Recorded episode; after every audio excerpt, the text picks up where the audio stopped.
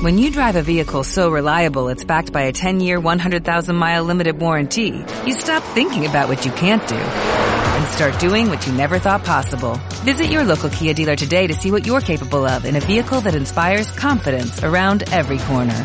Kia, movement that inspires. Call 800-3334-KIA for details. Always drive safely. Limited inventory available. Warranties include 10-year 100,000-mile powertrain and 5-year 60,000-mile basic. Warranties are limited. See retailer for details.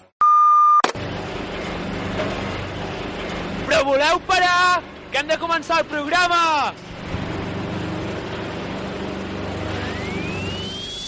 Gràcies.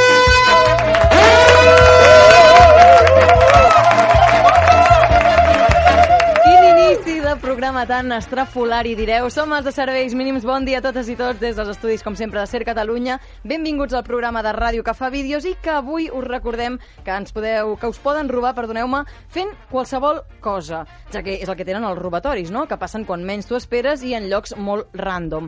Qui no ho té tan clar per això és el conseller d'Interior, Miquel Buch, que aquest matí ha dit aquí l'estiu que es veu que si mires què venen els manters, doncs et poden robar.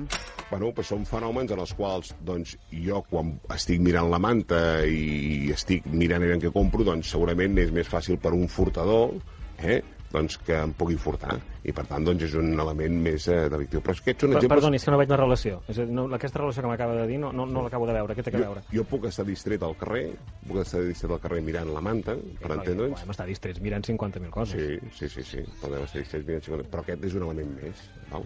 Però I, a també més- pots estar distret mirant un aparador i un aparador no, no genera sensació d'inseguretat, no? No, però si tu vas a comprar dins de la botiga, segur de que estàs eh, més segur que no pas al carrer.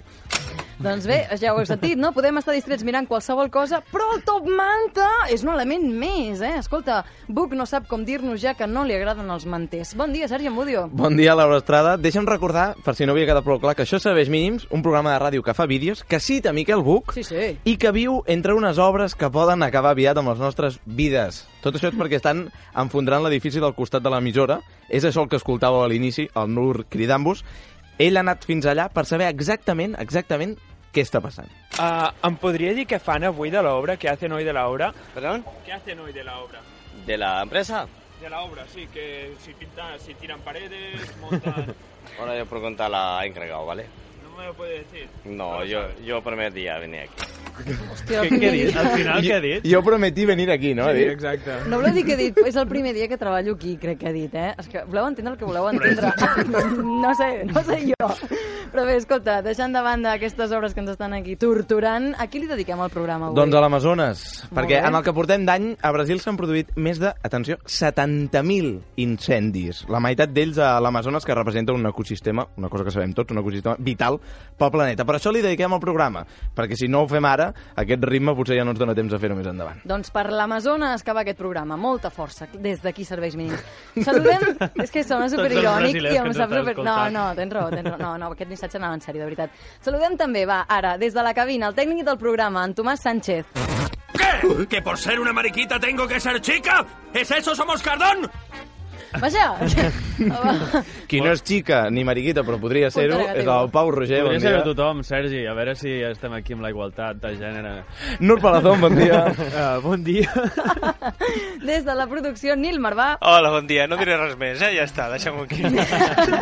Escolta, anem amb la dada que ens canviarà la vida després de conèixer-la. La dada del dia. Hola, bon dia, companys. Hola. Sabeu qui són Guayan Alwyn i Russi Taylor? Ah, Mm, Us can- ho he preguntat mai? Cantants. Mm, no, no, podrien ser... influencers. Tampoc. Polítics. Atenció No. perquè el bo d'en Guayan va posar la veu de Mickey Mouse a la versió original durant més de 10 dècades. Oh, I ho, ho dic en passat perquè No. el 2009 ens va deixar. I al costat seu sempre hi va haver una dona, la Russi Taylor, que us comentava, que també posa la veu a dibuixos animats i que, curiosament, posava la veu de la Minnie Mouse. Per tant, eren parella. Oh. La veu del Mickey Mouse i la veu de la Minnie Mouse. Oh. És bonic, Escolta, eh? Nil Marvà, per favor, fer una crida. És que Aquestes dades són del 2009. No. Estem al 2009. No, que es va morir el el 2009 va morir. Ah. La dada segueix Segueix sent vigent. Sí. Però des del 2009 que segueix sent vigent. Aviam, un moment. Per favor, un moment, Laura. jo, en aquest Laura, programa. Laura, un moment. La dada és que la veu del Mickey Mouse i la veu de la Minnie Mouse eren Sí. parella. Fins aquí Fins la dada. morir. No, no, és igual qui va morir Què vols, que et porti que- morts d'avui o No, algo? el que vull dir és que tinc un cert sentit en per què ho estàs explicant avui, això. Perquè això ho podries haver dit fa No, dos dies, no també. té sentit, és, va així, la dada del dia, ja ho sabem. Tu Bueno, coneixes el Nil, és no. igual. és serveis mínims. No m'acaba de convèncer, no m'acaba de Val, convèncer. doncs demà et porto algo d'estricta actualitat, Laura Estrada. Grande, Nil. Vinga, va, gràcies. Avui dijous també ens acompanyaran des de l'estudi en Víctor Rodrigo, que omplirà el seu bar de les millors boy bands i girl bands de la història de la música contemporània, i també, atenció, a l'Albert Delgado, amb qui descobrirem un nou nyap urbanístic, concretament el pat del pàrquing, que havia de ser intel·ligent, eh, de Tarragona, que ha quedat en un forat. I a partir de... Així de lamentable. eh, Just així. Però és que és un forat literal, eh? És un forat. sí. I a partir de la una saludarem el Bernardo Manzambi, el Didac Prat, el Darío Díaz i el Gerard Royes. Tots ells són el grup Lasta Sanco.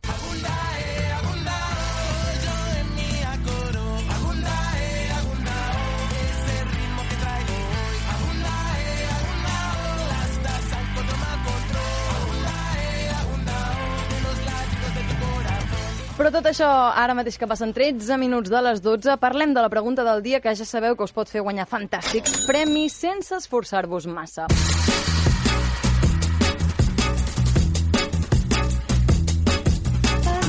Avui us estem preguntant quin és el vostre insult en català preferit. Exacte, en català. En català. En català, que sabem que hi ha un gran repertori. Us podeu desfogar a través de les nostres xarxes socials, Facebook, Twitter i Instagram, arroba serveis mínims, i entre els que respongueu a la pregunta del dia us podreu endur una entrada doble per anar a veure l'espectacle del Mac Lari aquest diumenge al Festival Arts d'Estiu. Començarà a les 10 de la nit. Quin diumenge. és el teu insult preferit en català, eh? Recordeu, aquesta és la pregunta que estem fent, us llegirem a tots, però això serà després de descobrir quin cos ha posseït el dimoni.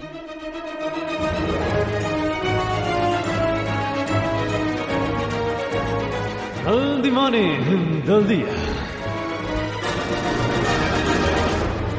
Doncs, com bé deveu saber, els influencers són aquelles persones que es dediquen a cobrar per fer-se fotos o vídeos fent promoció d'algun producte o bé fent coses poc transcendentals com maquillar-se, ensenyar on, on viuen, on viatgen, què els agrada i com va anar l'últim safari eh, per persones amb ànima fracassada però que tenen molts diners, val?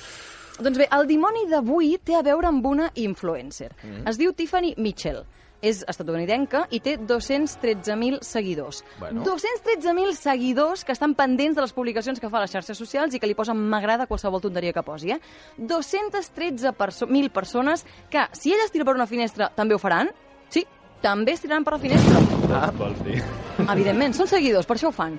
A la Tiffany es veu que va patir un accident tonto fa uns dies amb moto, val? que no és una Vespa, us heu d'imaginar una motassa, aquella és una BMW d'aquelles molt guapa, molt gran, Bueno, és que és als Estats Units i als Estats Units es fa tot a lo grande. tot a lo grande, és una moto molt grossa, val? Es veu que no va ser greu l'accident, només alguna esgarrapada i santes crismes, eh? Fins aquí tot molt bé.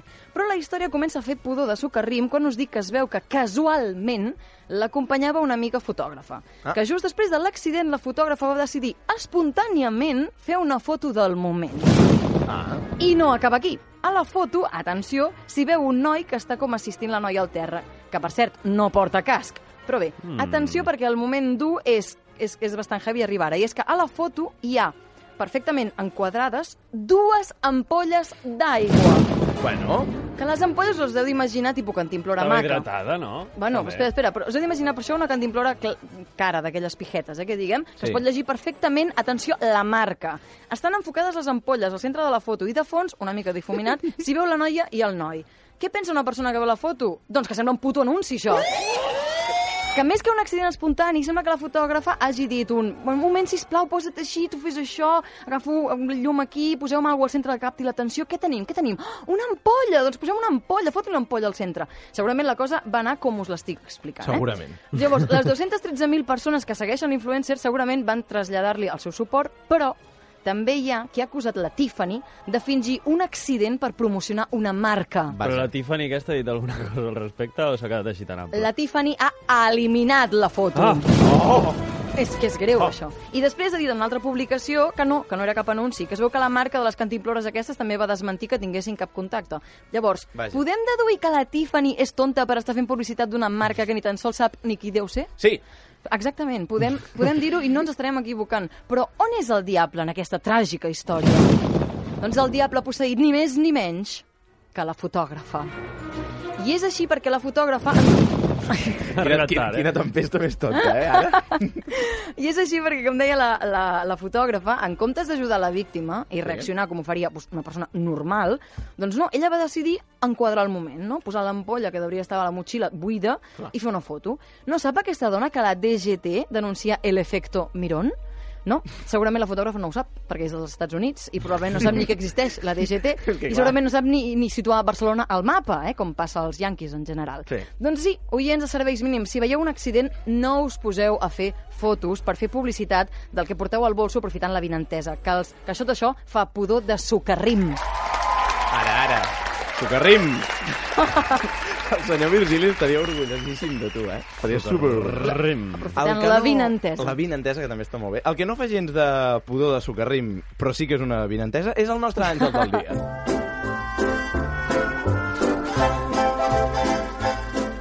L'àngel del dia. Si l'àngel d'ahir era un col·lectiu... Que no cal que el diguis, no cal que el recordem. No, l'àngel d'ahir era un col·lectiu, eh? Els quilos de Cornellà. El d'avui és un element, un element vital per al nostre planeta. Mm. En el si del programa sabeu perfectament que jo sóc un ferm defensor de Barcelona. Ho sabeu, i ara ja ho sap tot Catalunya perquè ho acabo de dir. Però hi ha una cosa, hi ha una cosa que cal reconèixer com a molt positiva de Madrid. Ara ho entendreu. Arpa, música celestial, eco d'església... L'àngel del dia és... L'aigua de Barcelona. Sí, l'aigua de Barcelona. Sí, sí. Deixeu-me que us ho expliqui. És impossible haver intercanviat un mínim de paraules amb un madrileny i que no t'hagi refregat per la cara que l'aigua de l'aixeta de Madrid està boníssima. que ells no compren aigua al supermercat, que ho veuen tota l'aixeta. Però tu parles d'aigua amb la gent de Madrid? No, és que ells ho fan. Ah, vale, ells parlen amb tu És de com un l'aigua. vegetarià, que et diu, hola, soc vegetarià, Sí. pues un de Madrid et La diu, gent, de hola, tinc Madrid, aigua. la gent de Madrid ja pot estar bona l'aigua que tinguin, però són tan pesats que està superbuena, està superbuena, està superbuena. Mhm. Vale? Mhm. Això és el que se li ha de reconèixer a Madrid. Això és una cosa que, que no ens passa aquí. Però tu dius que l'Àngel, l'aigua de Barcelona, què té a veure amb Madrid? Què? Aviam. Estic dient que se li ha de reconèixer a Madrid que té bona aigua. Sí, però on vols Vale? anar? Ara, ara em puc Ah, explicar? vale. Espera't, Laura, hòstia. L'aigua de Barcelona, la diferència, la gran diferència amb Madrid és que aquí fot cagar Ah, l'aigua de Barcelona. Literal, de fet.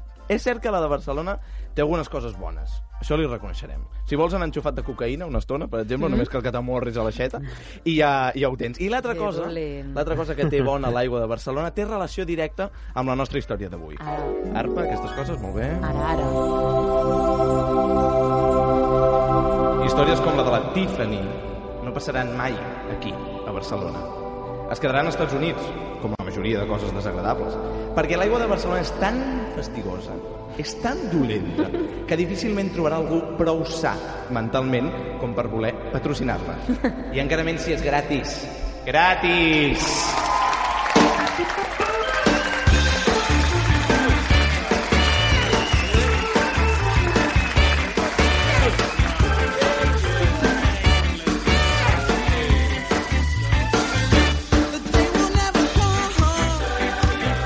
Va, seguim fent serveis mínims com bé, ja sabeu que hem començat... déu nhi com triguem a començar el programa en si, que diguem, eh? Molta Sí. xàxera inicial i poca, poca consistència.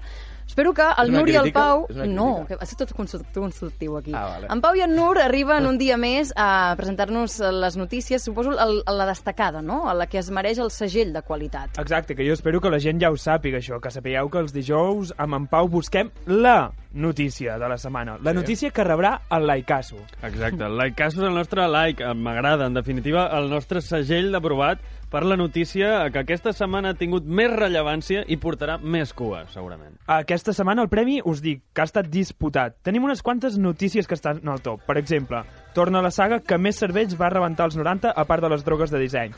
Matrix 4. Si tomas la pastilla azul, fin de la historia. Despertarás en tu cama y creerás lo que quieras creerte. Si tomas la roja, te quedarás en el país de las maravillas. Y yo te enseñaré hasta dónde llega la madriguera de conejos. El retorn de la saga Matrix segur que ha sigut una alegria per tota aquella gent que porta 20 anys sense veure una peli. I sobretot per Una aquest, tota aquella gent que no va, veure ni de, no va haver ni de veure Matrix 2 ni Matrix 3. Hmm. Aquesta quarta part tornarà a comptar amb Carrie Ann Moss i Keanu Reeves, el, Bien. el nostre actor preferit del món. I us dic que aquest és el millor duo per un producte audiovisual des de Sílvia Charro i Simón Pérez. de la vivienda está subiendo y está en, En, la- en- en- en tendencia alcista, completamente. y en aceleración, porque sube más rápido de lo que subió el año previo. Exacto. Li podríem donar al Laikasu el retorn de Matrix, però portem molts anys ja amb tants retorns i remakes que ja res ens fa feliços. Mm. Per qüestions evidents també ha estat a punt de tenir la caso la notícia de la setmana, jo diria de l'any, potser, que és el noi de Sabadell que va anar al santuari de la Fuensanta de Villanueva de l'Arzobispo, molt llarg el nom, de Jaén, d'acord? I en lloc de resar un Pare Nostre o una Ave Maria, va decidir que el millor que podia fer era plantar un zurullo al terra Què del dius? temple. Un zurullo que vol dir caca, va, Ah, sí? va cagar dintre l'església, vaja. Sí, es va cagar en Déu, literalment. Sí, literalment. A més, després de Era una quedar-se... performance.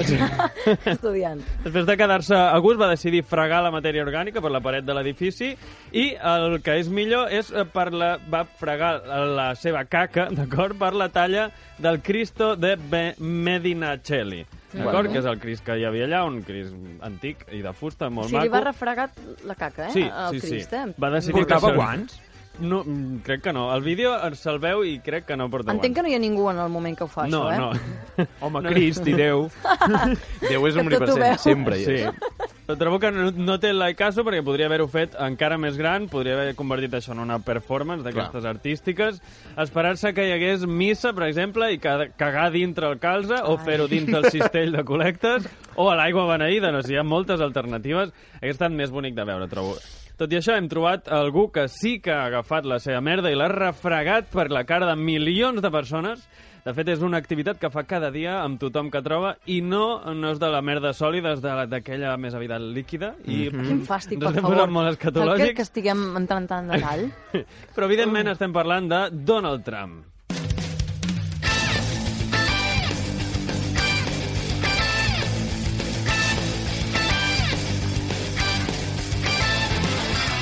Com segur que sabeu, Donald Trump ha comunicat que vol comprar Groenlàndia a Dinamarca només per raons immobiliàries, per posar-hi edificis, i no hem dotat ni 3 segons de donar-li el like caso a aquesta notícia, Que evidentment. recordem que, de fet, l'hem tractat aquí a serveis mínims, aquesta Exacte. notícia. Som així d'originals. Ai. Exacte. La cosa és que han passat moltes coses aquesta setmana. No només el president dels Estats Units ha dit eh, compraré a Groenlàndia, seriosament, sinó que el president Donald I, el pseudoconqueridor, s'hi ha recreat. Sí, dimarts passat va fer un tuit molt divertit que deia prometo no fer això a Groenlàndia. I vaig juntar un muntatge molt ben fet on s'hi veu un poblet de l'illa Ah, amb sí? una torre de 50 pisos, que els he comptat, això va en sèrio, eh, amb el seu cognom escrit a dalt de tot.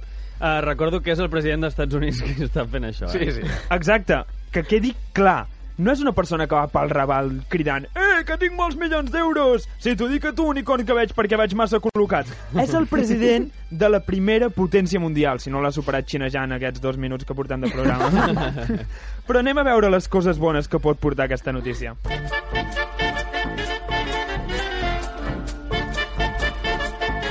Primer de tot, que el president dels Estats Units es creixi per Twitter i diu que vol comprar elles és genial. És com un borratxo que es creu, que es creix aquests de bar i diu que si vol, que ell puja a l'Everest, però sempre se n'acaba anant a dormir a casa amb els dos col·legues que el porten en braços. Trump és el mateix, però sense anar tílic, que encara és més preocupant. Intenta construir un mur, nega el canvi climàtic i ara diu que vol comprar Groenlàndia, una animalada més, i el deixaran formar part del govern de Madrid del PP.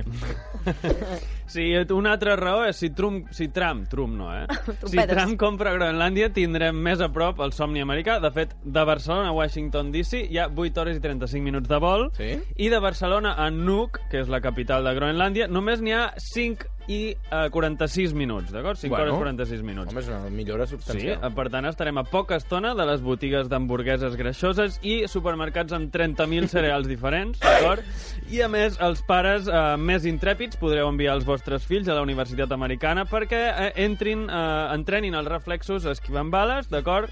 A només 4 hores de diferència horària per poder fer Skypes eh, ben a una hora normal i amb només dues hores de diferència horària, perquè Groenlàndia és molt gran, amb un poble que es diu Itokortormit, d'acord? Amb- amb moltes vocals seguides, Amb moltes vocals seguides, que no era necessari dir aquest nom, però m'ha fet gràcia quan ho he trobat. I, eh, però bé, que el fet és que estarà molt més a prop i sempre em sembla que obre moltes possibilitats. Ara anem a veure les coses dolentes d'aquesta moguda de Donald Trump.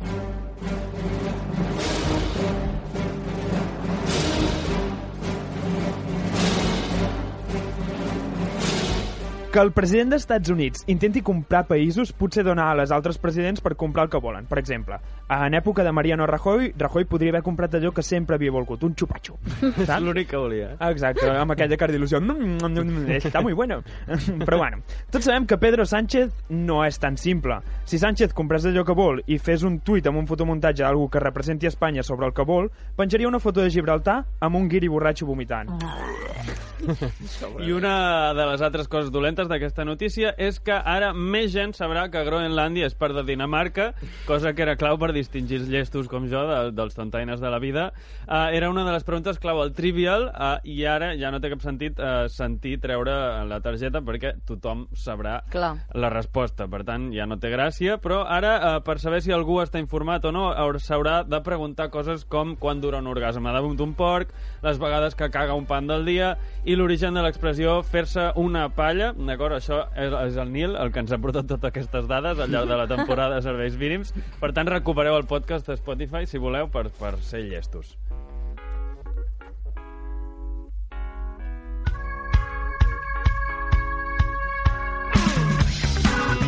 Total, que com hem dit al principi, aquesta moguda amb Donald Trump ha aconseguit el laicasso perquè portarà molta cua. I tant. Penseu que amb els rampells que li agafen a aquest senyor, potser demà trobem un tuit on diu que vol comprar nou barris per fer una rèplica de la Sagrada Família i que ho faran dues setmanes. Potser també podríem demanar-li que comprés Catalunya directament i deixar que exploti la gent de Girona per fabricar telèfons mòbils a canvi de la independència. No, és una idea, Quim Torres, si ens estàs escoltant. No li donem moltes idees perquè només falta que, que, que ho faci. Vull dir, no em sorprendria. No em sorprendria. Té, té l'orella al radiodifusor, el president Donald Trump, escoltant serveis mínims, Té tota la apuntant. I com que segur que ho està escoltant, li, des d'aquí, una altra vegada. És que a més el tens tan a punt. És que ha fet un gall, eh? Ha fet un gall al Sergi i llavors el, Està el canviant la Tomàs veu, el tira, Sergi, tira galls. El que anava a dir és que aquest laicasso va pel tram. Gràcies, Pau, gràcies, Nur. Uh, ells dos s'han fet passar per periodistes. Anem a escoltar algú ara que realment ho és és periodista, és la Clara Molins. Avui ens fa una punta d'actualitat sobre el polaqui, polemiquíssim, perquè és polemiquíssim, tobogan de- d'aquell pop gegant a Sant Andreu. Escoltem-ho.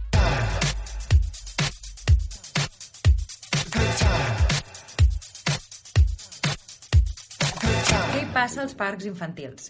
No sé si la barbària que suposa negar l'acollida de més de 100 persones que han hagut d'estar dies i dies tancats a l'Open Arms o que Marcos de Quinto, diputat de Ciutadans, digui el disbarat que són bien comidos pasajeros, en fi, us ha permès parar atenció a un tema que també és notícia. Us parlo del novíssim tobogan del Parc de la Pegaso, al barri de Sant Andreu. Val a dir que no és un tobogan qualsevol, sinó que es tracta d'un pop gegant, amb no un, sinó diversos tobogans que fan tirauixons guais i quina enveja de sobte tenir 3 anys, però que ha costat 750.000 euros. Bé, doncs, el cas és que l'han hagut de tancar perquè algú ha malmès un dels ulls d'aquesta infraestructura de luxe de parcs i jardins, i ara hi havia el risc que caigués. Però és que en aquest acte suposadament vandàlic hom hi podria veure perfectament un boicot polític i organitzat horitzontalment per l'associació antidispendi de diner publicant ferides que a sobre estan mal fetes. Bàsicament perquè es veu que el metall dels tobogans s'escalfa molt amb el sol i fa cremades als nens que volen baixar amb la màxima il·lusió de la infantesa. I, per si això no fos prou, aquesta instal·lació premium no llisca prou, el pendent no llisca prou i els nanos s'hi queden eh, encallats. Imagineu-vos per un moment la frustració de quedar-se encallat a mig trajecte d'un tobogan. És terrible. El tobogan no fa de tobogan. I què és un tobogan que no llisca? Un tobogan que no fa de tobogan? Doncs els dubtes ontològics esdevenen insuportables.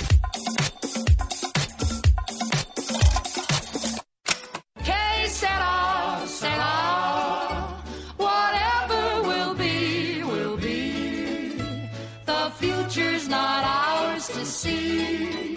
Que será, será. Si sona que serà, serà, és perquè serà, serà l'Albert Delgado. Benvingut a Serveis Mínims. Un aplaudiment! Com estàs, Albert? Bon dia. Ben bé, dia. molt bé, molt bé. Sí, Aquí content? preparat, preparat. Per preparat pel que ve, perquè veig que portes molts fulls, entenc que hi haurà molta teca. Exacte. Fins on sé, anem cap a Tarragona? Sí, aprofitant que han estat les festes de Sant Magí recentment, parlarem d'un dels grans projectes de Tarragona que porta 20 anys de trajectòria i lo que queda. Val, bé. Parlarem concretament d'un aparcament intel·ligent, robotitzat, Sí. en què els cotxes s'havien de guardar mitjan, de forma automàtica amb ascensors que se l'avessin i que els guardessin en prestatgeries i Que que va modern. començar una modernitat que va començar l'any 2000 però evidentment, si n'estem parlant aquí en aquesta secció és perquè no va anar tot com s'esperava. De fet, han passat 19 anys des de llavors, no? No tinguis pressa. Per començar a entendre el que ha passat, us posaré un tall del programa Connecti.cat, que Mhm. s'emet a diverses televisions locals de Catalunya, en què el 10 de gener de 2019 feien un reportatge sobre aquest projecte. Val. I per tant us posaré unes declaracions fetes al programa per Manel Rovira, president de l'Associació de Veïns de la Part Alta de Tarragona. Les obres van ser molt llargues perquè van tindre que posar explosius per picar la pedra, perquè és una pedra molt dura.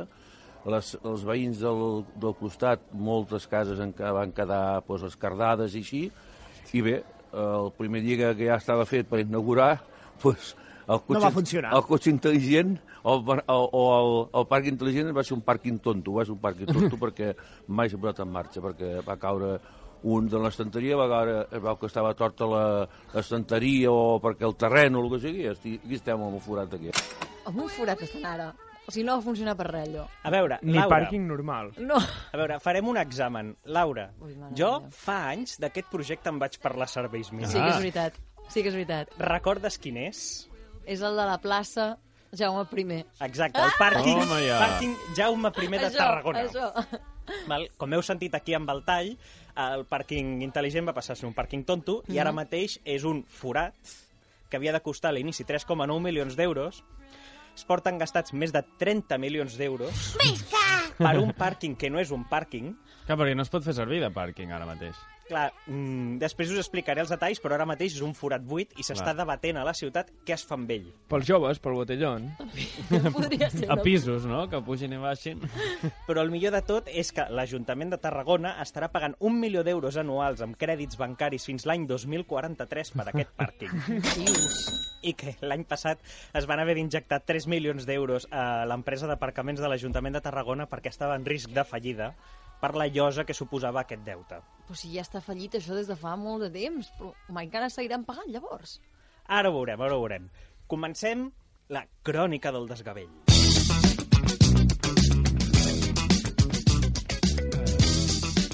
Llavors, com us he comentat a l'inici, el projecte neix l'any 2000, quan neix la idea. Mhm. L'alcaldia en aquell moment era Convergència, Joan Miquel Nadal, del, que va ser alcalde de Tarragona durant molts anys. I les obres finalment es van, es van començar l'any 2002 i van ser adjudicades a Aparcaments Municipals de Tarragona, és l'empresa que gestiona aparcaments a la ciutat, i Sistema Salen, que és l'empresa que tenia la patent d'aquest sistema robotitzat d'aparcaments. Mhm. Què va passar? Es va anar torçant la cosa, com hem sentit en el tall de l'inici. El 2006 ja hi comença a haver diversos problemes. Per exemple, Ui. un que trobem és que el temps d'espera es calcula que en comptes de ser 30 segons perquè per recollir el cotxe, Sí. ja passava a ser de 3 minuts. 3 minuts. Si tens pressa, és Déu- fantàstic, això. Déu-n'hi-do, eh? Després, eh, l'empresa Sistemes Allen va entrar en insolvència, cosa que va endarrerir les obres de l'aparcament. Després eh, es va anar augmentant el cost. Mhm. Llavors, és molt graciós perquè hi ha una cronologia feta pel Gabinet de Premsa de l'Ajuntament de Tarragona l'any 2009 sí? en què va recollint tots els problemes. Ja ho fa el mateix Ajuntament, recull un document tots els problemes per la premsa. I vas veient amb la cronologia com diu ara demano un crèdit de 6 milions per acabar el pàrquing. Mhm. Després, ara costarà 12. 20 d'octubre de 2006. Sistemes Allen diu que l'estructura mecànica del pàrquing ja està rovellada. El pàrquing no s'ha ni acabat, eh? La falta d'ús i les filtracions d'aigua han rovellat el mecanisme del pàrquing intel·ligent. Val? Això és l'inici. Mhm. Maig del 2007, eleccions municipals, guanya el PSC l'alcaldia, passa a ser l'alcalde Josep Fèlix Ballesteros, que ho ha estat fins ara l'any 2019. Sí. I aleshores, el problema del pàrquing ja és una de les principals patates calentes que s'ha d'empassar el PSC en el govern municipal. 18 de febrer del 2008. Ai, sí, de febrer, sí. Anava a dir desembre, res. Um, S'acaba cessant el gerent de l'empresa Aparcaments Municipals de Tarragona Sí? perquè l'aparcament encara no s'havien aconseguit fer les proves bé per inaugurar-lo. Hòstia. Clar, l'estructura ja estava rovellada, no funcionava, s'havien anat gastant diners, havia anat augmentant el pressupost, i es va decidir aturar les obres i contractar dues empreses enginyeres, d'enginyeria per tal de fer un estudi del pàrquing. Ah, o sigui, val, bé, bé, bé. I us llegiré els titulars del periòdico de Catalunya del 20 d'agost del 2008, Mm. que sintetitzen una mica el drama de la Què qüestió. anaves a dir per això? No, si anaves a dir alguna No, res, res, res, igual. O sigui Ah, que deia... Però uns contracten un gabinet d'enginyers només perquè els digui que això no funciona. Sí. Bueno, per, per estudiar, a veure si ho poden tirar endavant. Ah, vale. vale. Us llegiré el titular sí. i els dos subtítols. Val. Val? Titular diu... Sempre m'emociono amb aquesta rever. Tarragona desiste de que el parking Jaume I sea de tipo inteligente. Vale. vale? Sí, ara ja, no, ja no és davant, intel·ligent. Escolta, ja no Exacte. intel·ligent, val. El primer, subtítol, el primer subtítol diu, que jo crec que és el que és més meravellós. Una auditoría revela que se tardaría 5 horas para retirar el coche en hora punta. 5 hores. hores! O sigui, 3 minuts, primer 30 segons, 3 minuts, 5 hores ja. I això és per, per, per lo que no es pot ser intel·ligent, diguem. O, clar, què, què diferencia un pàrquing intel·ligent d'un pàrquing no intel·ligent? Perquè, clar... Bueno, no Un parking inútil, ja. Però era pagant el pàrquing, perquè, clar, si, Home. quan eren 30 segons, vale, Ja. però si has d'esperar 5 hores per treure el cotxe, que allò va fent quiticling, quiticling, quiticling, Sí, sí. te cagues, eh? Sí, sí, Però Bueno. deixes el cotxe i el treus. I llavors te'n vas a dinar o el que sigui.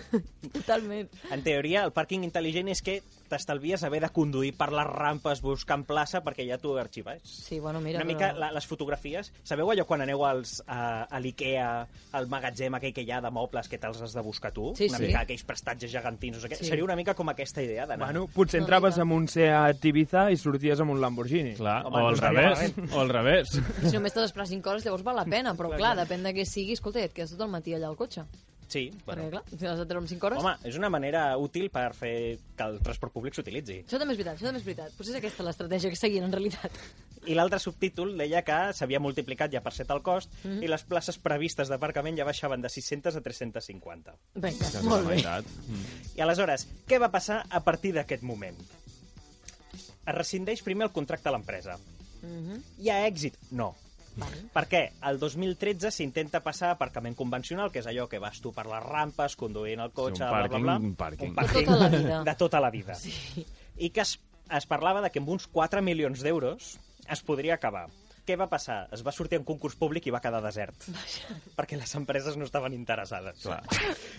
I tal i com va recollir l'ara el 2016 en un reportatge, l'Ajuntament va intentar que alguna empresa s'interessés. Mhm. El que passa és que les empreses volien que fos pàrquing només de rotació, d'aquests que entres i surts i vas pagant per hores, Mhm. Val. i l'Ajuntament volia que una part també fos per veïns. Ah. Mm. I, per tant, No no, hi va haver acord. clar. Total, finalment, què es va fer l'any 2015? Impulsar un concurs d'idees per què fer amb el forat. I com va anar aquest, el Perquè no, 2015, te, això? no teníem Sí. prou gent per pensar que Clar. ja se'ls havien acabat les idees. Sí, sí, es va fer eh, fins i tot una enquesta ciutadana perquè la gent proposés què fer amb el forat. Un fosso de cocodrilos per tirar tot, tot l'Ajuntament. Déu meu. I com va anar això, llavors? Eh, bueno, hi va haver-hi el concurs. Mm? Què passa? Que com el tema s'ha judicialitzat, Sí? Tot això el que fa és que per prendre decisions, en principi, segons es diu, s'ha de, de demanar autorització al jutge Clar, se l'entès i molt per, més, tant, això. i per tant el tema ha quedat allò en l'aire. Val. I el, el 2018 sí que és veritat que Esquerra Republicana de Tarragona va Mhm. denunciar al ple de l'Ajuntament de Tarragona que s'estaven pagant 1.200 euros al mes de rebut de llum de l'aparcament. Déu meu. Però si no, hi ha, si no funciona, com, què, què es paga? No, potser van donar d'alta, clar, si això estava donat, vull dir, anar fent, mira, anar sumant. I quants mesos van estar llavors, trinco-trinco, per llum? Molt de temps. No ho sé, es va denunciar això, però clar, ara, no sé, ara, ara que han entrat a l'alcaldia a veure què fan. Imagina't. I ara, finalment, per acabar molt ràpid, què passarà en el futur?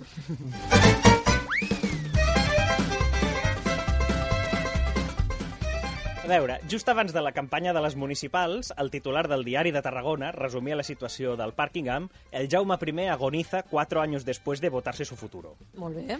Llavors, en els debats electorals, per exemple, el PP i Junts per Tarragona, el Mm. candidat del qual és el fill de l'alcalde convergent que va promoure el pàrquing, um, defensen que es faci un Tot pàrquing queda en normal. família allà, eh, que diguem també. El PSC defensa que s'hi faci la Casa de la Festa, que és el lloc on guardar les figures del seguici popular, els Ah. gegants i un centre cívic. A Valla Bajona, tio.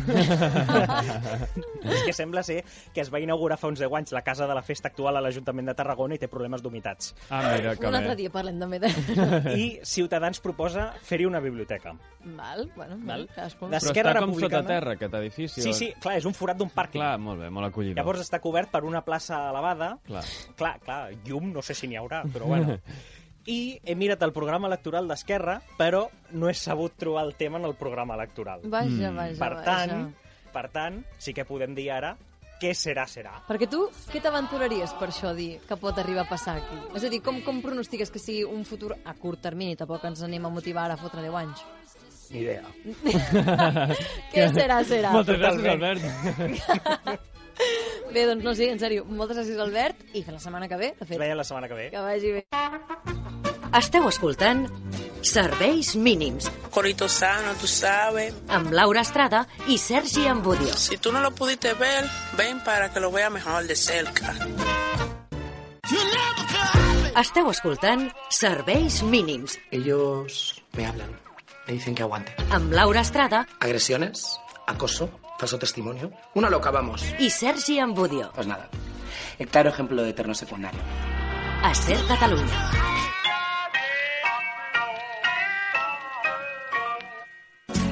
It's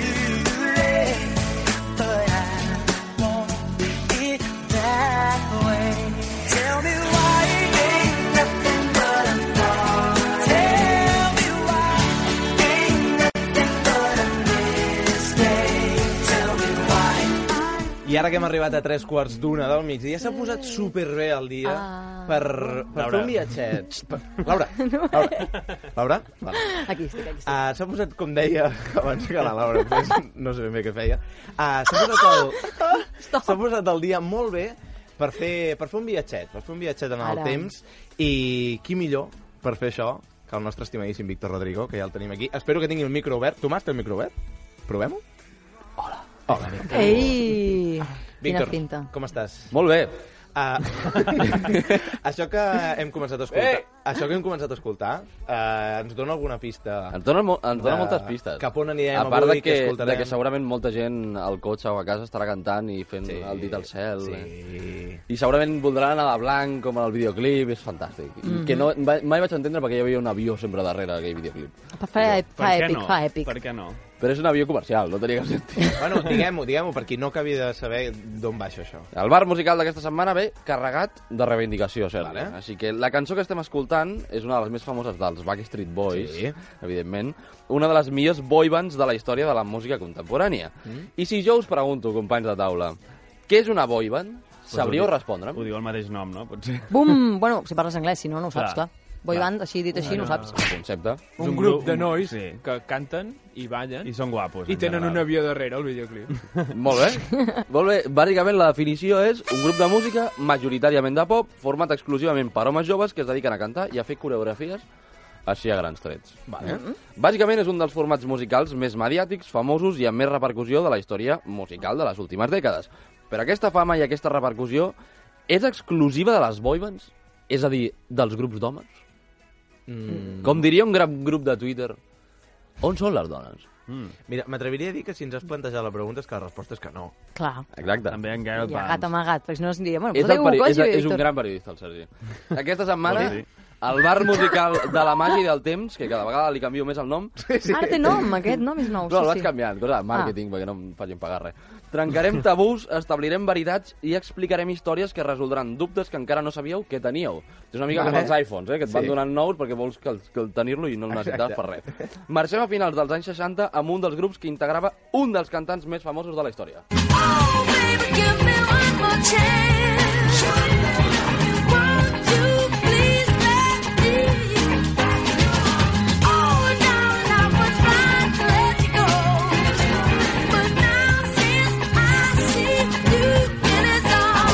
La primera boyband de la història considerada com a tal són els Jackson 5, amb un jove joveníssim Michael Jackson, on feien I negre. versions... Ai, i quan era nen en comptes de, de tocar nens. N'hem parlat bastant. va fer un gran xiste de Michael de Niño, un sumum para sí mismo. doncs era el i Michael Jackson on feien versions de cançons molt famoses i creaven temes nous que acabarien sent veritables èxits. És aquesta banda el gran èxit dels grups masculins? Ni de bon tros. Vaja. Ni s'apropen, perquè aquests joves eren nens, com a molt, adolescents, i no són el gran exemple que busquem, tot i que va ser un veritable fenomen, el del Jackson 5. La història de l'art, però, sempre ens recorda com a les dones les han tingut enterrades en segona, tercera o quarta fila en importància. Avui venim a reivindicar-les. També ho faig jo i malament anirà. Es parla molt de les boybands, del seu pes, de la seva transcendència musical en la història dels gèneres i, sobretot, d'aquestes coreografies que tots volíem fer l'última nit de les colònies de primària. Que tots les fèiem, de I fet. tots Vull les fèiem sí, i les sí, fèiem sí. molt malament i després et treuen el vídeo quan a partir de 8 anys, ah, quan Horrorós. tenies 10, veus allò... no és A mi aquesta és una de les coses que més em fa patir de ser pare. Exacte. D'haver de veure el meu fill eh? o filla fent, Fent- el, fent, fent de One Direction. Fer la pena. I tu dient molt bé, molt bé, ho fas molt bé, et vaig a gravar el vídeo. No, el Sergi no ho diria. Però no. què preferiríeu? Oi. Jo crec que amb això mm, seré transparent amb, amb el meu fill. Dedica't a una altra cosa. Això quan tinguis un fill per el gravaràs fins i tot tirant-se pel terra. Segurament, sí. I ho penjaré a Instagram. Però hi havia un col·lectiu anterior, molt anterior, que s'havia guanyat les garrofes abans que les boybands, Ah. que són les girl groups. Don't you know? Why can't you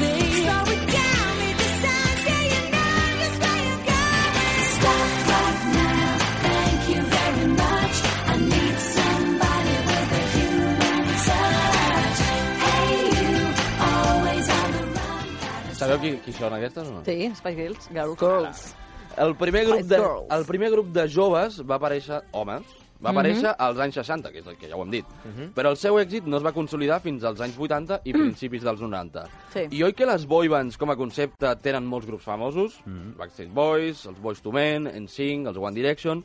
Doncs les dones van començar abans i tenen moltíssim més recorregut. Durant els anys 20, 30 i els anys 40, tant al aviat. Regne Unit com als Estats Units van començar a aparèixer els primers grups de música integrats exclusivament per dones joves. Naixien així els girl groups. Als anys 20, Imagina't. imagina't, 40 anys abans I, del, eh, del Jackson 5. Se- Se'ls va posar boy bands i no boy groups per diferenciar-los d'alguna altra manera, És un, també? és un concepte que no he entès mai, que llavors ho reivindicarem després, però te m'has avançat. Ah, No passa, no passa absolutament No, si voleu saber la resposta a aquesta pregunta, quedeu-vos És una un clickbait en directe, m'agrada molt. Les més famoses d'aquesta època, dels 20, 30 i 40, eren les anomenades The Andrew Sisters, un grup de tres dones que van arribar a ser tan exitoses que fins als anys 2000 cap girl group va tenir tants èxits, Carai. tantes vendes, ni tants números 1 a les llistes com elles. És a dir, van haver d'arribar a les Spy Girls Carai. per frenar això. Sí, sí, 60 sí. anys després. Uau. Sonaven així. If you ever go down Trinidad, they make you feel so very glad. Calypso sing and make up rhyme, guarantee you one real good fine time. Drinking rum and Coca-Cola, go down Point Cumana, both mother and daughter, working for the Yankee dollar. Gran cançó que reivindica el Ron Cola. Són boníssimes. Són boníssimes. És espectacular, però és el, el, el duo aquest, l'estil aquest, doncs les Andrew Sisters van a, arribar a rebentar-ho i no sonen igual que les Spy Girls, però No, no, estan al nivell d'èxit, estan allà. Mhm. A mitjans dels 50 i durant la dècada dels 60, les dones van consolidar-se com a cantants en grup racialitzades, perquè moltes d'elles eren afroamericanes, sexualitzades i amb el suport creixent dels adolescents i els joves que no tenien cap prejudici, van començar a petar-ho a les ràdios. El 1958, el grup anomenat The Chantels, no sé si és The Chantels, The Chantel, jo dic Chantels. És The Chantels. Experta en Sí, Oxford, Sergi. moltes gràcies. The Els The Chandles van rebentar les llistes musicals amb aquesta cançó que està considerada el tret de sortida oficial dels grups de dones, anomenats girl groups com a tal, però jo dic que és als anys 20 i ja està.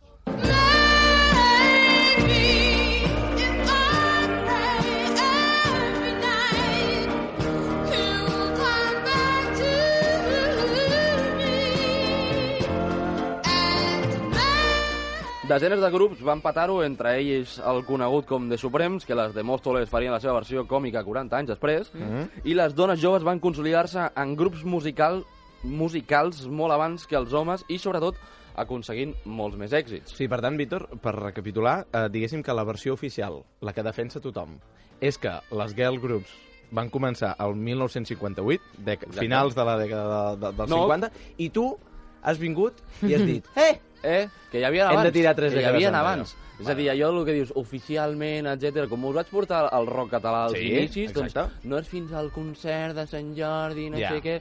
Molt abans ja existia. Molt Doncs abans. aquí igual. Vale. El, el, com a concepte allò d'estudi acadèmic no va ser fins al 58, però jo vinc aquí a rebentar-ho tot. Andrew Sisters, eh, Exacte. molt abans. El Jackson 5, que ho he explicat abans, van trigar fins a 6-7 anys després eh, en aconseguir rellevància, que el que estem escoltant ara, que en va ser molta, però no venien ni de tan lluny, que és el que t'estic dient, Mm. Clar, 30 clar, anys clar. enrere. Mhm. L'aturada, però, tant per homes com per dones, va arribar entre les dècades dels anys 70 i dels 80. Aquells 20, aquells 20 anys van ser dedicats exclusivament a grups de diferents gèneres, a inventar-se nova música, a barallar-se amb la policia i a recrear-se amb la droga. Molt bé. Que són els 70 i els 80, los anys Model de vida, Sí, eh? sí. Tant, tant les boy band com les girl group van passar sense pena ni glòria. Ai, amics, però ara arriben els anys 90.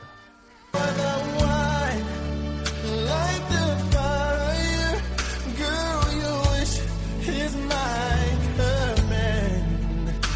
I submit to your demands. I will. Tot i que els experts, estudiosos i erudits de la música consideren que els pares de les boy bands modernes siguin els New Kids on the Block, a casa sempre hem establert que els Boys to Men, els que sonen ara, ho van patar molt més i a sobre no eren cinc nens blancs repel·lents. Mm. L'R&B dels 90, que sé que Sergi ets un expert, sí. no s'entén sense les boy bands ni sense les girl groups, perquè mentre les balades masculines enamoraven el personal, a mi el primer, sorgia un grup de música format per dones que arrasaria per tot el planeta. Ai, ai, ai. I no, no són les Spy Girls, no? perquè aquestes van arribar després. Ah. A veure si us sonen. Say my name, say my Home, name. No i one tant. Say baby I love you. If you ain't running game, say my name, say my name. You acting kinda shady, ain't calling me baby. Why the sudden change? Say my name, say my name. If no one is Això que sona són les Destiny Child, no? del grup que formava per la, la Beyoncé, que de fet vam començar l'entrevista amb l'Eduard Costa, Sí. ah, amb, amb, amb aquesta precisa cançó.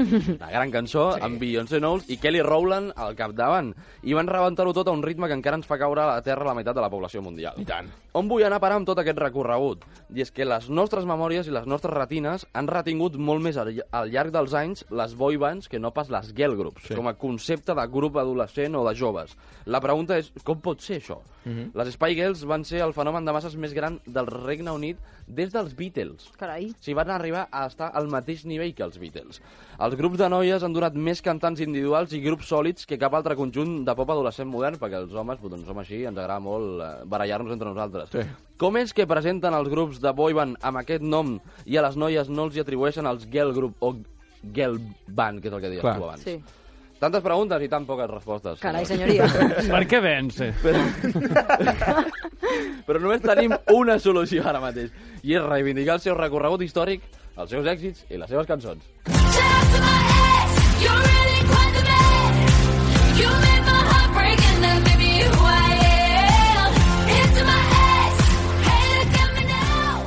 Actualment hi ha més grups de noies joves i adolescents triomfant que no pas d'homes. Els Jonas Brothers han tornat i els BTS asiàtics exploten cada estadi allà on trepitgen, És veritat, eh? però ni de bon tros arriben a l'acumulat que generen tots els grups de noies junts. Mm. Destacarem per acabar que el major exponent que ha donat el nostre país en matèria de girl groups és la SRG de les Ketchup. I així ens va. Així que ens queda molt per fer. Grups de música de dones catalanes, sisplau, per favor, Jo, espavileu. jo la catalana, per això, eh, no sé fins a quin punt seria, les de Mamsels, les coneixeu? Sí, es podria sí. considerar girl band? Jo crec que potser, sí. Potser Les Macedònia. la- Les Macedònia, també, Les clar. Macedònia jo crec que és més emblemàtic, no? Clar, però que emblemàtics. Macedònia potser va encara més avall perquè són massa joves i tot. Potser Ah. seria Clar. un perfil Jackson 5, però el Jackson 5 com hi havia un petit i després hi havia com més gran... Les Seis Sisters. A Seis Sisters Exacte. també seria. Aquesta sí. Bé, bé, bé, bé. Clar, però CRG estesa. Ketchup va arribar a És estar veritat, número prova 1 estesa. de, No, no. de vendes Sí. als Estats Units. Com ho va rebentar, lo de la CDG? No és normal. Deja de Tampoc. No és normal. No, no té sentit. Víctor Rodrigo, moltes gràcies per acompanyar-nos un dia més a Serveis Mínims. La setmana que ve més, eh? Que Sí. És l'última ja de serveis Sí, del, del segurament programa. portaré cervesa aquell dia al bar, perquè Ara, ara. el, el Ara. trencarem. Ah, aquesta és la que ens agrada. Tornem d'aquí uns minuts, després del butlletí de la una, com sempre, com ja sabeu, i després amb l'entrevista. No marxeu. Fins ara. Fins ara. Ràdio Barcelona, cadena SER. Hola, està trucant a Ser Catalunya. Els informem que actualment tenim la bústia de veu plena, així que per qualsevol cosa que necessitin, si us plau, Parli amb serveis mínims. Vuestro rey sufre con todos vosotros, comparte vuestra indignación y confía en la fortaleza y me he equivocado y no volverá a ocurrir. Gracias.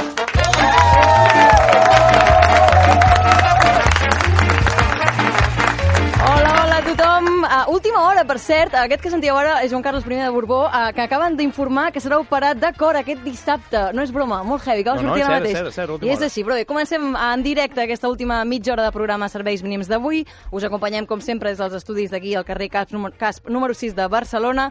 Som Sergi Ambudio, Nur Palazón, Pau Roger, Nil Marvà, Tomàs Sánchez de l'altra banda del vidre i qui us parla, Laura Estrada. I una gentada, una gentada de nou, una altra vegada, a l'estudi principal de Ser Catalunya, per segon dia consecutiu, ja veureu, ara els presentarem, però abans, regalets, Tomàs, regalets.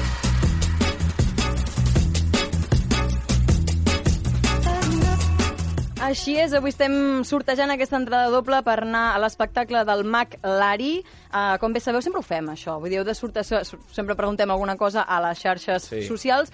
I avui, de fet, uh, us, bueno, suposo que hi ha bastantes respostes, Pau. Sí. Hi ha hagut molts comentaris i espero que tots els insults no vagin Va. per nosaltres. Això, recordem que, exacte, estàvem dient uh, que demanem el vostre insult preferit en català. Exacte, sí. I què tenim? Una tenim bateria, va. moltíssima varietat. Per exemple, tros de quòniam, sòmines, um, llondro, llondro no l'havia sentit mai, camarú, set ciències, hidrostòmic, Hidrostòmic? hidrostòmic, xitxarelo, pelacanyes, xupa-escrots, xarrupa-escrots, xarrupa-escrots m'ha agradat, tros d'asa, nabú, figaflor, uh, tros de lluç, també està molt bé. està bé, està bé, Sí, està sí, n'hi ha molts, n'hi ha N'hi ha molts. moltíssims. Moltes gràcies per participar.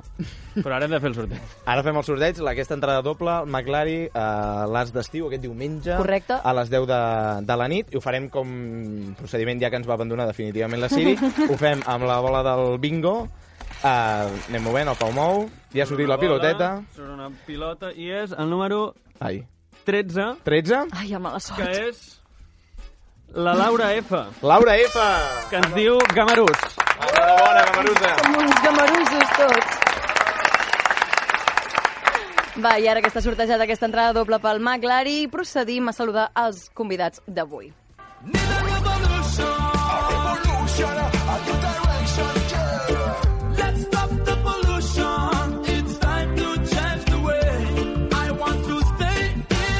Amb Revolution de Dap Inc. i amb un fortíssim aplaudiment rebem a serveis mínims l'Asta Sanko!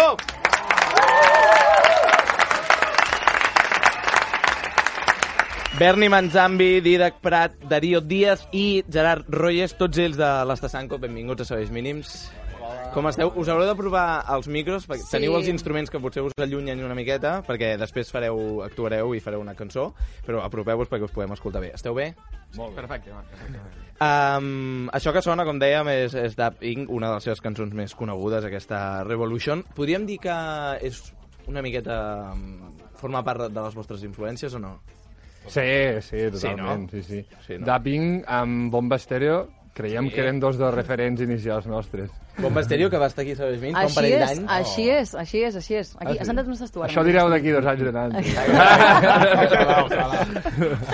Si alguna cosa té, té la, la vostra música és sobretot um, influències, no parlo només de- d'estil, sinó de cultures i de, i de, de llengües. Creu que Bueno, creiem, vivim un moment de molt ric eh, amb, pel que és formació de grups que fan fusió, precisament. O sigui, creieu vosaltres que la música, el moment en el que viu, va cap aquí ara? Cap a grups que no són genuïnament d'un estil, sinó que toquen una miqueta tot i que a partir d'aquí creen música? Sí, jo, jo crec com tot amb l'art i la cultura en general, no? Mhm. Contra més influència tenim global, uh, més es barreja tot, més surt aquest mestissatge, i nosaltres ens hi veiem immersos mm, a tope, i a nivell musical com, com lingüístic. Les nostres Mhm. llengües també són un mestissatge total. Clar, en, en el mestissatge musical, ara entrarem al mestissatge de, de llengües, en parlarem. En el mestissatge musical de l'Asta Sanko, què hi entra? Ah, bona pregunta. és la gran pregunta. En altres, sempre, i, i ho intentem definir una miqueta així, hem volgut posar-nos etiqueta de mestissatge electrònic, sí? entenent que tenim bases més llatines, sobretot eh, de guitarres i baixos, ritmes africans de percussió, eh, punts de reggae, ska... Al final, influències del que hem menjat, del que veiem, del que tenim, i sempre intentant descombrar cap a casa teva, cap al Mhm. teu estil. Ara parlarem de tot això, parlarem del vostre primer disc, dels vostres primers passos i de tot el que us espera, però abans anem a definir amb el Pau i amb el Nur el perfil d'entrevistat d'un de vosaltres. El perfil. El perfil. Necessitem un voluntari. Qui s'ofereix voluntari? Ai, ai, ai. Qui voldrà? Vinga. Sí? Vinga, va. doncs ara són preguntes molt ràpides i necessitem respostes encara més ràpides. D'acord? Bé, comencem. Nom. Bernardo. Edat. 31 la setmana que ve. Acosta't al micro, per això. 31 anys la setmana que ve. Professió. Ara mateix ja em dedico a això, de la música i el que puc. I com has vingut fins a la ràdio? Amb cotxe? Quina és l'última pel·lícula que has vist? A Aladdin. Bueno, bé, bé. Quin és el teu insult preferit? Oh! Ui! Avui va d'insults. Eh? N'hem dit Cabron, molt, n'hem dit cabron. molt. Cabron. I a qui li diries? A tots ells. Ens podries recomanar un llibre? No llegeixo. Molt bé, és una bona resposta. A qui ressuscitaries? A Bob Marley. Molt bé. I quina és la persona més coneguda que tens als contactes del mòbil? Més coneguda. Sí, més famosa. Uau. Digue-ho, digue-ho, pots dir. T'estan t'estan mirant amb cara de digue El nostre Sí, bateria. sí, sí. L'exalcalde de Cervera, son pare. I a qui t'agradaria tenir? Aquí m'agradaria tenir... Um... L'alcalde actual de Cervera. No. A Bob Marley, tu, si estigués viu. Molt bé. Última pregunta. Amb qui aniries a fer un cafè un dia? Us adonaríeu que no us podeu pagar el croissant que l'acompanya i decidiu que el millor que podeu fer és atracar una joieria del Passeig de Gràcia. Estaríeu tres mesos planejant el cop, compraríeu un parell de pistoles i una moto sense matrícula. I quan tot estigués preparat, faríeu l'atracament. A tu et pillarien. El teu company fuig del país quedant-se amb tots els diners i s'oblida de tu. Amb qui t'agradaria viure això? Amb el Didac Prat. el Didac Prat. No ha dubtat, eh? No ha dubtat gens, eh? No me l'he imaginat, eh, la cena. Uh, Pau, Nur, gràcies. Anem a escoltar com sona uh, l'Asta Sanco. Una onada eterna m'arrossega els teus peus. A la la la la la la la la la. Això que escoltem és uh, Long Wave, ja, ho, va, ho va repetir la cançó del vostre primer disc, que és Perdita com paso. Anem abans, uh, per, aquells, ull- per aquells oients que estiguin escoltant per primera vegada conceptes com Perdita com paso o l'Asta Sanco mateix, i no saben d'on ve això, és Esperanto, és llengua universal. Per què vau escollir l'Esperanto per posar-li nom al vostre grup i també per títols de, de cançons? Uh, em fan parlar a mi, eh? Esperanto perquè ens agradava més que per la llengua que tampoc ni la coneixem ni la utilitzem. Uh -huh. Ens agradava el concepte d'aquesta llengua, que uh, era una llengua que pretenia uh, agrupar moltes llengües de, de tot el món i que fos global i universal partint de les arrels de, de, de diferents llengües. Llavors, nosaltres això ens va agradar per la, per la cosa aquesta de que al final no, no hi ha una llengua o no hi ha una cultura o no hi ha un estil que s'imposi damunt d'un altre, Uh -huh. sinó que tots s'agrupen, es barregen i al final no són de ningú i vam voler jugar amb això. I aquí vam treure el nom del grup, que és l'Estasango, que és en Esperanto, que qui ho busqui sabrà què vol dir. Que vol dir última Última Ah. El nom de l'EP, que és Bruixa la Perduda, sí. que és Perdita com passo, i algunes paraules o frases que posem algun tema, Mhm. però no, ni, el, ni el coneixem ni el parlem. I llavors no, no tampoc hi ha aquesta... Vull dir, no, no us ha sortit a dir, val, doncs ara que ens diem així, anem a aprendre Esperanto, no ho heu fet, si no, Home. ja és igual. A- Ens va sortir, ara que ho dius, eh, de cop vam rebre un correu un dia, i vam obrir, no vam Això entendre res, Clar. i vam deduir que estàvem esperanto i vam veure que era d'una discogràfica independent que, que promocionaven això i bueno, ens Clar. plantejàvem de treballar-lo d'alguna forma o altra en un futur, no sabem com. No està però- mal, no està mal. De fet, ens agradaria també parlar de, de l'Estasanco, que això que dèiem que vol dir última oportunitat, ja, us hem, bueno, ja hem fet l'espoiler per la gent. Té algun missatge per això, més enllà de ser nom cridaner? Eh, bueno, parles tu? Sí. No, bàsicament tots hem estat um, formant molts projectes diferents um, amb àmbit de poble i, i era com... Volíem fer alguna per, per arribar a intentar viure d'això Uh -huh. i professionalitzar-nos. I va ser com... És l'última oportunitat, o la Ah. primera, depèn de com tu miris, Uh -huh. per poder viure això. I, Mm, bueno, Amb això de, de viure de- d'això, vau començar a caminar com a grup el, el 2017, no? Finals de 2017. Finals de 2017, vau estar treballant doncs, aproximadament durant dos anys les cinc cançons que han acabat formant part de, del vostre primer disc. Aquí, uh, aquest camí el vau començar uns quants més, per això. Sou quatre, heu vingut tot el grup, però éreu uns quants més, éreu set, em sembla, al principi. Sí, érem, érem set, sí. Com sí. va anar això? Es va anar quedant la gent al camí? Bueno, no, ha sigut, la veritat que pel poc temps que portem, des del meu punt de vista, ha sigut molt, molt dur. Molt Mm. dur en aquest sentit, perquè sí que comença set, amb la il·lusió i tal, però amb un grup sempre, si no estem tots al 100%, és impossible. Mhm. Com ha dit el Gerard, nosaltres ens ho preníem com l'última oportunitat i la primera per Clar. fer un projecte serio, i hi havia molta gent pues, que de boca pots dir que sí, però després a l'hora de... Si no, no es critiquem, són amics nostres també, mm Mhm. -hmm. són de la nostra colla i tal, però nosaltres podíem anar una miqueta més enllà i al final, pues, per altres coses alienes al grup, pues, alguns van anar caient Mhm. i ens hem quedat els quatre i, I i ara estem de collons. Els quatre i? L'ordenador. I l'ordenador. No es l'ordenador, queixa mai, l'ordenador, sempre ho porta de puesto. És el nostre cinquè membre. En el, en el primer treball vostre, el primer treball de l'Estasanco, hi ha català, hi ha castellà, hi ha també lingala, una llengua centroafricana. Uh, el que escoltem ara, el que escoltarem ara, és la cançó Agunda. Goyo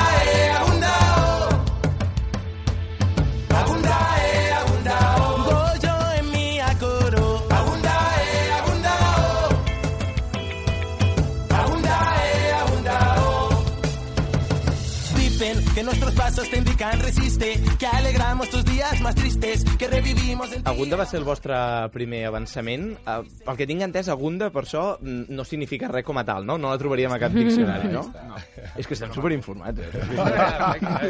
Però això que va confondre molt llavors la gent esperanto, paraules que no existeixen, Va. que carai. Jo em veig algú que, que, juguem que s'ha motivat a, a, a estudiar Esperanto Sí, perquè sí. us ha escoltat a vosaltres i després diu, ai, jo domino ja Agunda, ja sé què és, tal, i no. No, no, no bé. Però vol dir alguna cosa, Agunda vol dir alguna cosa per vosaltres, no? Sí, o sigui, a, aquesta lletra, aquesta cançó la vam començar directament, vam tindre, vam treure els acords i jo sempre soc xapurrejo, saps? Com que cantem en diferents idiomes, Sí. les melodies, va, va, va, va, va, començo. I va sortir això de Gunda, i el Didac està aquí i va dir que, hòstia, és com un crit d'esperança, no? I si Agunda és una paraula que té molta força, i vam dir, pues, per què no? Començar Carai. per aquí, Doncs i que això sigui pues, el que cridi la gent als concerts i tal, i a partir d'aquí vam escriure aquesta lletra de cançó que va en contra de tot tipus de maltractament, Mhm. tot això és un crit d'esperança de, bueno, de que unim-nos tots i alcem-nos no? contra, contra tot això. Mhm. I, I és el que dèiem, la nostra filosofia és aquesta, tant amb lo de l'esperanto, de dir, és que si et vols inventar una paraula i fer-la coneguda, pues ja està, per nosaltres és un crit d'esperança i esperem que ho sigui per la gent també. Està bé això, eh? Crear paraules noves. sí, sí. Típic Clar, ara també sí. hi havia la Si polèmica. acaba estant al diccionari més endavant, pues mira. Aquest, és el que anava a dir també, el tema aquest del compleans, que parlàvem també de no? Sí, aquestes sí. paraules que la gent ara, ui, no és paraula catalana. Vosaltres ja jugueu, ja aneu un pas més endavant i ja, escolta, Pues sí, reinventem no? la llengua. Creiem que tenim aquesta llibertat i ho podem fer, no? I la I música és de les poques coses que queden encara una miqueta lliures. Clar, o sigui, al final ja quan sentim Agunda, nosaltres ja el, el significat ja el tenim interioritzat. Clar, ja clar, és clar, un crit d'esperança. De... Per cert, com, com neix un grup? És a dir, uh, vosaltres, uh, en el sentit de, vosaltres veieu un nínxol de mercat, veieu un espai buit que no ofereix uh, l'oferta de, de música de grups en català, o simplement és, ens agrada fer una cosa, estem a gust junts, anem a tirar-nos a la piscina cap aquí? És un cúmul de tot. És un, cúmul de tot. Al final, eh, per situacions de, de, pues de, de, d'actes del poble, coincideixes amb alguns, fas dos acords i dius, hosti, podríem quedar un dia i fotre-li. I quedes al guitarra i el bateria, hosti, Mm. mm. falta un baix, i ara falta un cantant. I bueno, mm, i arran d'això vas quedant amb gent, vas fent música i dius, eh, pot sortir alguna guai d'aquí. Clar. I, I a poc a poc pues, vas creixent. Et vas liant, no? Clar, et vas liant, al final et vas liant. A poc a poc et vas liant. Deixeu fer un I tant. incís. Lo interessant és, més que com neix, cap on va. Que, que Mhm. és el que ens hem trobat nosaltres i per això l'Asta acaba sent aquí i en pares diu això. Un grup sempre comença així, com diu ell, però fins a quin punt t'hi vols implicar tu? Fins on Clar. volem arribar? Normalment tots els grups acaben punxant per lo mateix, no? És que jo és un grup de caps de setmana, jo treballo, jo tinc feina, jo vull anar a tope i Clar. les evidències pleguem. Mhm. Jo crec que l'interessant és això, que és el que deia el Berni. Ho hem passat... Ha sigut dur perquè hem volgut fer tota la feina que et pots trobar d'aquí dos anys ara. Clar. A on voldrem arribar? Qui, quina predisposició tenim? És el primer que vam fer abans de començar la Mhm. Està bé, està bé. I heu arribat fins aquí, fins a serveis mínims, eh? No, no, i super orgullosos i contents. Molt contents. Uh, com ho he comentat al principi, ja he fet una mica de, de spoiler, uh, heu portat els instruments. Sí. Tenim ganes de- d'escoltar-vos de, en directe. Em sembla que està tot més o menys a punt, no cal provar res, no? Està tot bé. Què, què tocareu? Agunda, farem Agunda. Agunda. Sí, sí. Molt bé. Doncs uh, ara quan passen 21 minutets de, de la una, en directe, el, el Tomàs m'està demanant de provar. Podeu provar un segon? Així sabrem que tot Sí, sí. sona perfecte. Sí, sí. Sona tot bé? És igual. Per aquí se sent, eh? Vale. Vale. Bueno, espera, farem un, farem un canvi de- d'auriculars perquè hi ha una guitarra i hi ha un baix també i el baix elèctric, que és el que va endollat, hem de No ser és una- 100%. és una guitarra. Ai, una guitarra, perdó, guitarra, perdó, guitarra. perdó. Bueno, és que Ja jo, guitarra. jo i els instruments. un instrument fatalíssim. L'any passat- vaig acabar preguntant per què tenia les, les cordes que té la guitarra. Quines preguntes, eh, aquest home? Oh, Has de dir que és eh? primer l'ou o la gallina. Eh? Tranquil, que jo igual que tu. eh? Doncs ara estem preparant... Ara sí, eh? Les proves. Hi ha hagut un ok? Vale, doncs ara, quan passen 22, gairebé 23 minutets de, de la una, en directe a serveis mínims, a, a Gunda de l'Estasanco. Danos tono.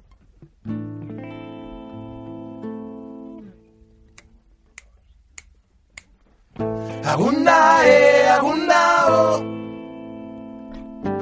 Agunda, eh, agunda, oh. Agunda, eh, agunda, oh. Agunda, eh, agunda, oh. Que nuestros pasos te indican resiste, que alegramos tus días más tristes, que revivimos en ti el amor. Ya no existen grises, esos matices tú ya los perdiste. Este ritmo te hace invencible, mira pa'lante y alza tu voz. El miedo acabó su viaje, la valentía en el equipaje.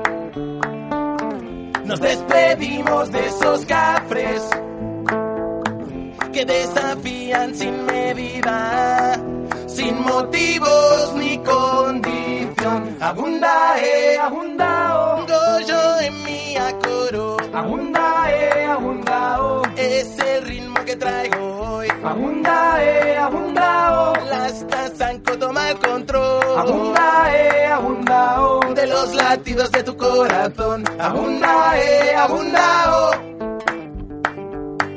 Agunda, eh, agunda, oh. Agunda, eh, agunda, oh. Agunda, eh, agunda, oh. Vioyo, ezapona biso.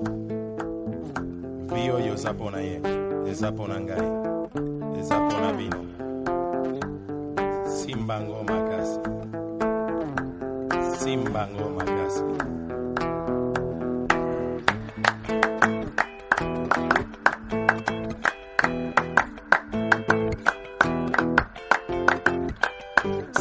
Que tu mundo va contracorriente, adquiriendo un aspecto indecente que contamina tu alrededor.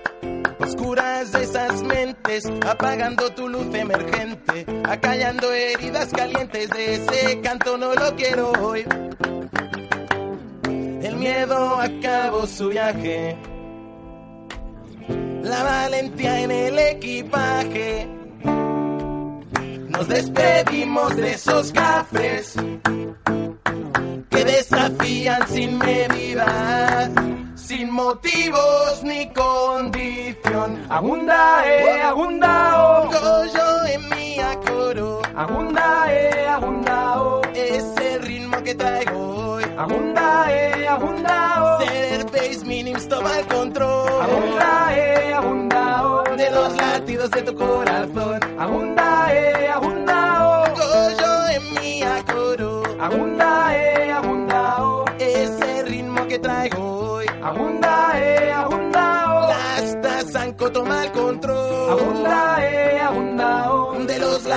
Tu corazón. Agunda, eh, agunda, oh. Agunda, eh, agunda, oh. Agunda, eh, agunda, oh. Agunda, eh, agunda, oh. De los latidos de tu corazón.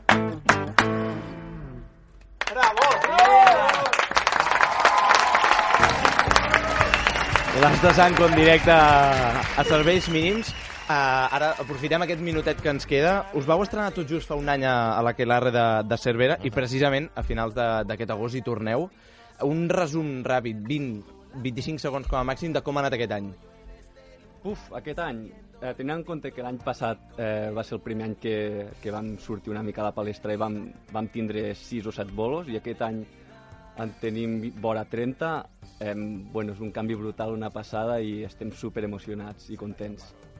Nosaltres també contents de, de tenir-vos aquí, de que hagueu interpretat a, a Gunda. Gunda. M'ha agradat molt el detall de serveis Ai. mínims com el control.